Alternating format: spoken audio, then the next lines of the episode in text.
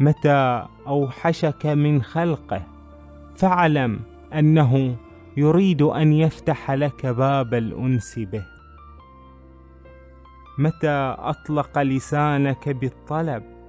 فاعلم أنه يريد أن يعطيك. بسم الله الرحمن الرحيم.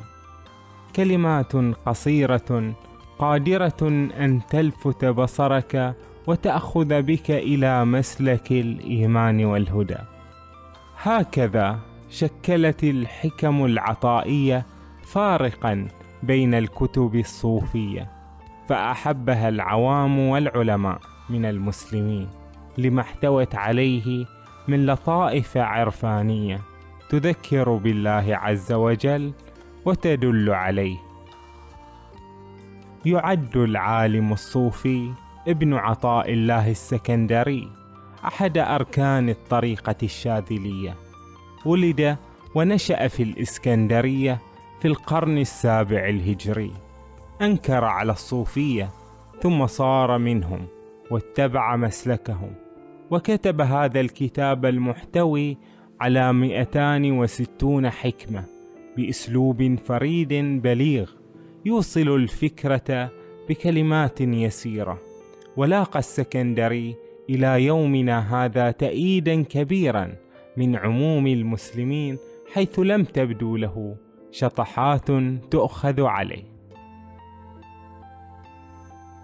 يقول ابن عطاء الله من علامة الاعتماد على العمل نقصان الرجاء عند وجود الزلل. يقصد ابن عطاء الله الاعتماد على العمل هو الاعتماد على العبادات والطاعات فيذم من يعتمد على عمله أنه سيوصله الجنة. ولذلك لا يهتم هذا الإنسان إلى زلاته وخطاياه.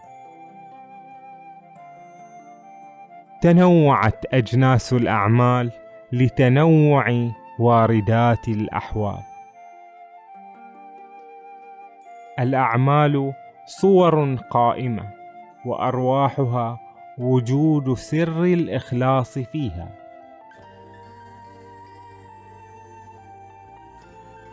اجتهادك فيما ضمن لك وتقصيرك فيما طلب منك دليل على انطماس البصيرة منه تختلف موازيننا في تحديد الأولويات. فنحن نختار أن نجتهد في طلب الأموال والدنيا وننسى العبادة وهي ما طلبه الله منا. إن الكلام العرفاني أو الصوفي لا يتكلم عن الفقه أو السيرة أو العقائد بقدر ما يتكلم في روح علاقة العبد بالله عز وجل. فها هو ابن عطاء الله يكلمنا عن روح الإيمان والتصديق والرضا. وطريق للتقرب من الله عز وجل بإخلاص الإيمان له وتهذيب النفس في حضرته فهي عبارات في غاية البلاغة وتصل للقلب وتذكر بالله. بسطك كي لا يبقيك مع القبض وقبضك كي لا يتركك مع البسط. وأخرجك عنهما كي لا تكون لشيء دونه. من الأحوال عند الصوفية هو القبض والبسط فالبسط هو السعادة القلبية بذكر الله والقبض هو حال الخشية من الله. وهذه الأحوال يرى الصوفية أنها من إلهام الله وهي ضرورية كي يرتقي بها العبد في درجات السالكين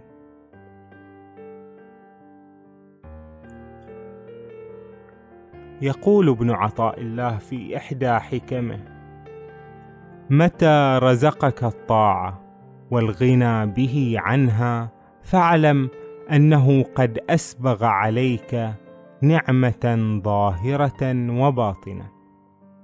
أي أن العبد إذا عمل طاعة ما فهذه نعمة ظاهرة. وأما النعمة الباطنة هي أن لا يرى تلك الطاعة شيئا ويلوذ بالله ويستغني به عن ما سواه حتى لو كانت طاعاته.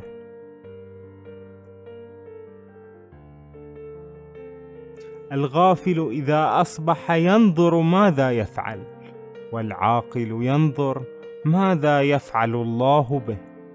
إن العارف في مفهوم ابن عطاء متيقظ أن الله هو المتحكم بكل هذا الوجود فالعبد يراقب الله في كل حدث وفي كل تصرف.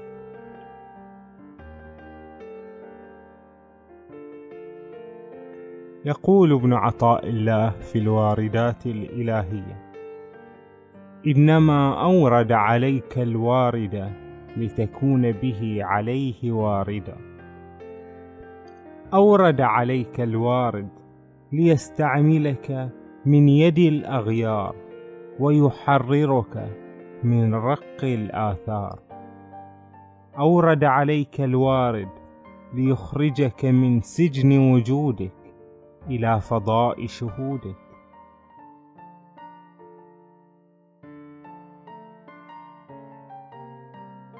يقول ابن عطاء الله في تأخر الدعاء. لا يكن تأخر أمد العطاء مع الإلحاح في الدعاء موجبا ليأسك فهو ضمن لك الإجابة فيما يختاره لك لا فيما تختاره لنفسك. وفي الوقت الذي يريد لا في الوقت الذي تريد. لا يشككنك في الوعد عدم وقوع الموعود وإن تعين زمنه لئلا يكون ذلك قدحا في بصيرتك واخمادا لنور سريرتك.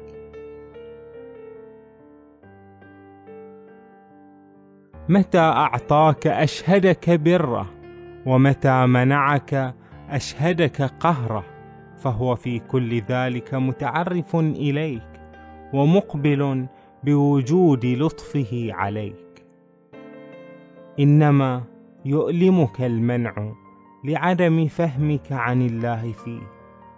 ربما فتح لك باب الطاعة وما فتح لك باب القبول وربما قضى عليك بالذنب فكان سببا في الوصول.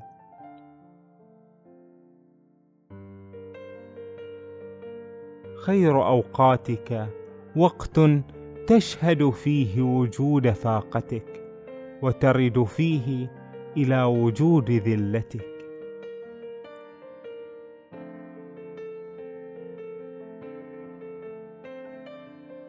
من ظن انفكاك لطفه عن قدره فذلك لقصور نظره. يقصد بالقدر هو بلاؤه عز وجل وهو بذلك يقول أن اللطف لا ينفصل عن البلاء.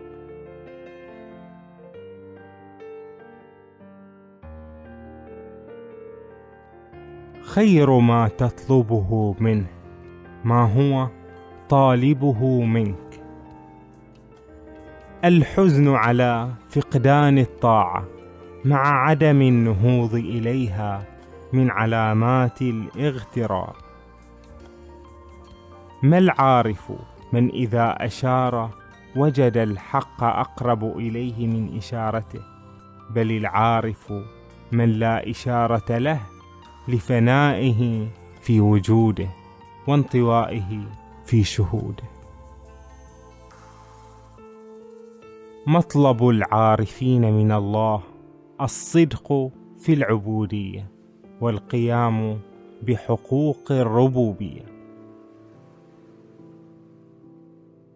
العارفون إذا بسطوا أخوف منهم إذا قبضوا ولا يقف على حدود الأدب في البسط إلا قليل. ربما أعطاك فمنعك وربما منعك فأعطاك. متى فتح باب الفهم في المنع عاد المنع عين العطاء. إن أردت أن يكون لك عز لا يفنى فلا تستعزن بعز يفنى. الطي الحقيقي أن تطوي مسافة الدنيا عنك حتى ترى الآخرة أقرب إليك منك. العطاء من الخلق حرمان والمنع من الله إحسان. كفى من جزائه إياك على الطاعة أن رضيك لها أهلا.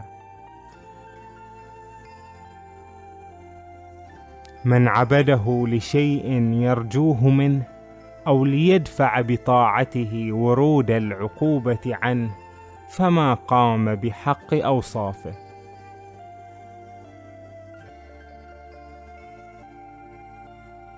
ربما كنت مسيئا فأراك الإحسان منك صحبتك من هو أسوأ حالا منك.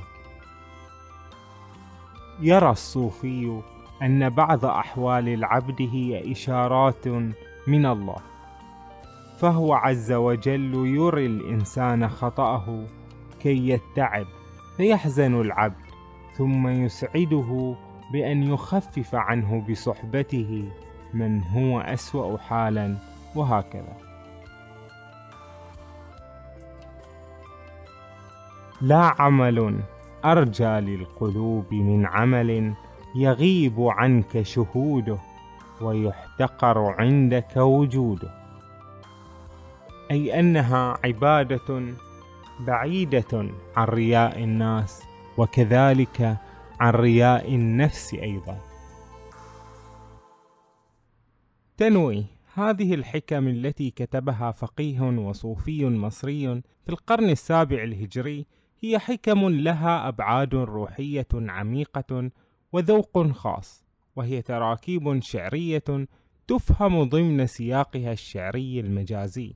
ولا يهدف مما نذكره هنا الترويج لعقيدة الصوفية أو غيرهم. فخذ أخي المشاهد من الحكم ما يتفق معك واترك ما لا ينسجم مع اعتقادك. انطلاقا من القول المأثور عن النبي صلى الله عليه وآله وسلم الحكمة ضالة المؤمن.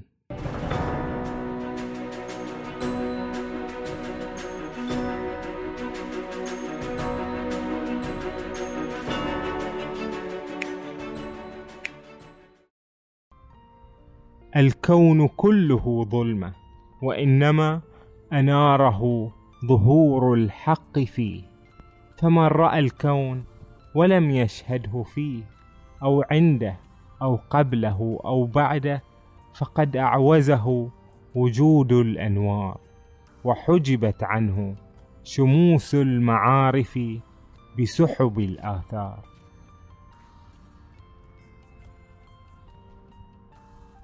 ما من نفس تبديه إلا وله قدر فيك يمضي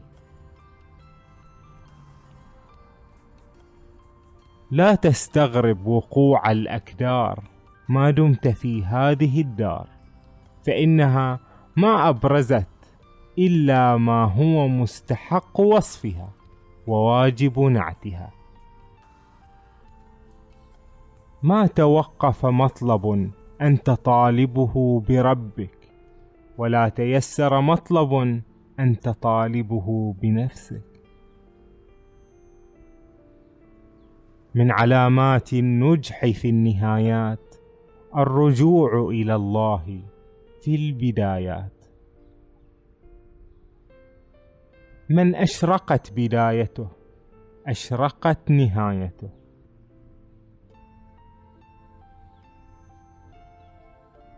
ما استودع في غيب السرائر ظهر في شهادة الظواهر.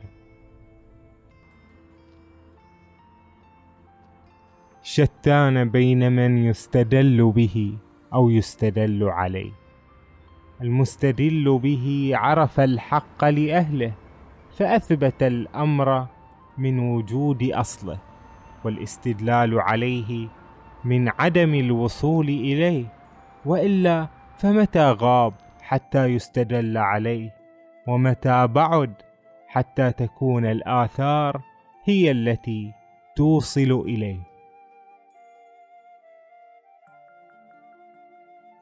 تشوفك إلى ما بطن فيك من العيوب خير من تشوفك إلى ما حجب عنك من الغيوب.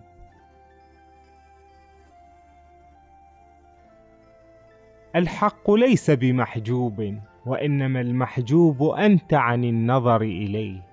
إذ لو حجبه شيء لستره ما حجبه ولو كان له ساتر لكان لوجوده حاصر وكل حاصر لشيء فهو له قاهر وهو القاهر فوق عباده.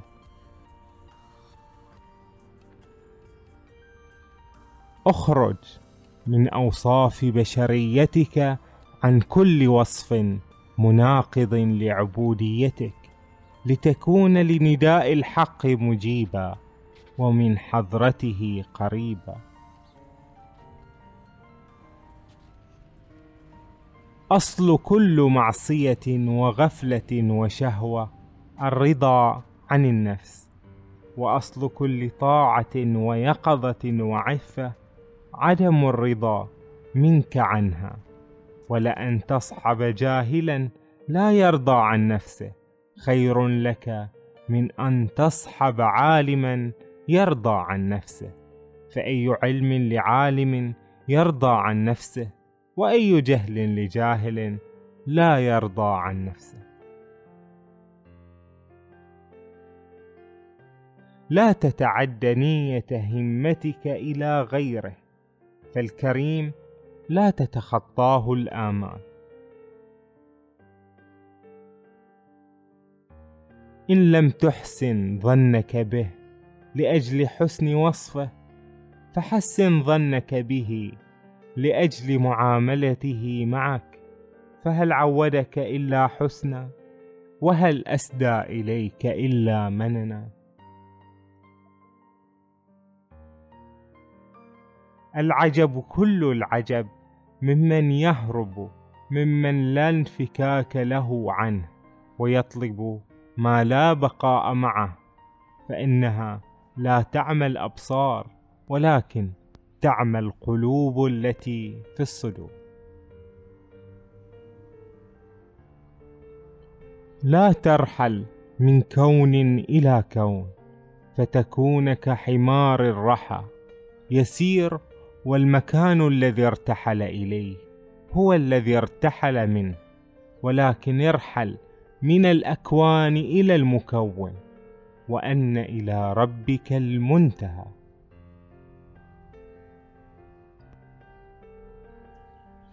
ما قل عمل برز من قلب زاهد ولا كثر عمل برز من قلب راغب.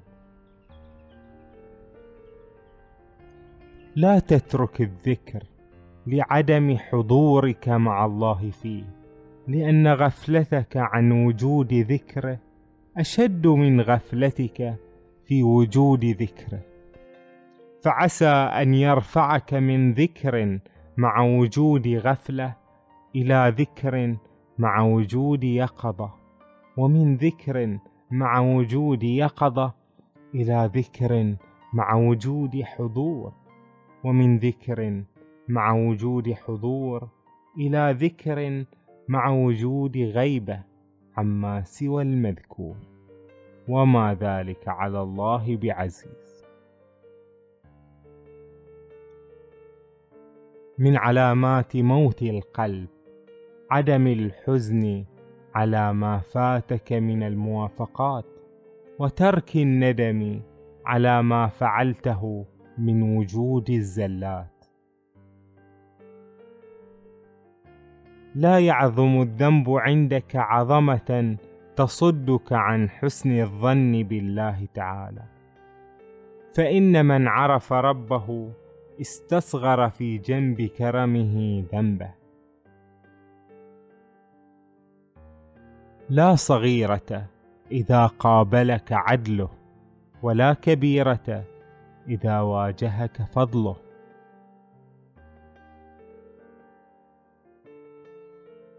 أورد عليك الوارد ليخرجك من سجن وجودك إلى فضاء شهودك.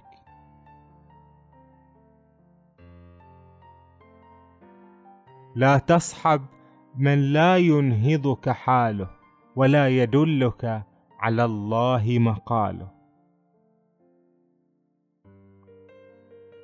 العارف لا يزول اضطراره ولا يكون مع غير الله قراره.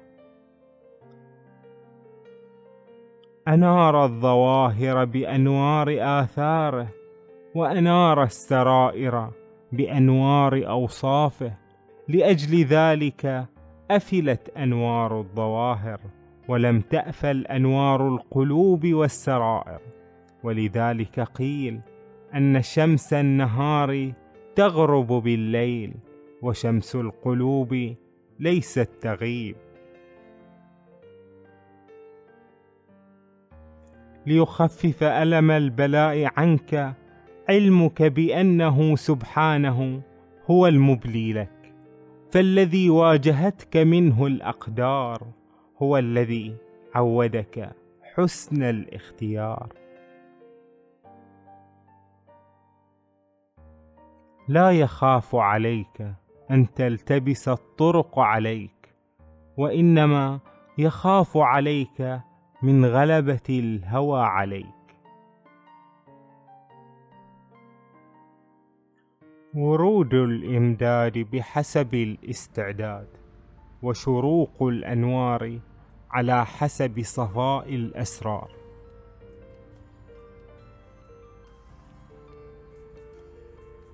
أمرك في هذه الدار بالنظر في مكوناته وسيكشف لك في تلك الدار عن كمال ذاته.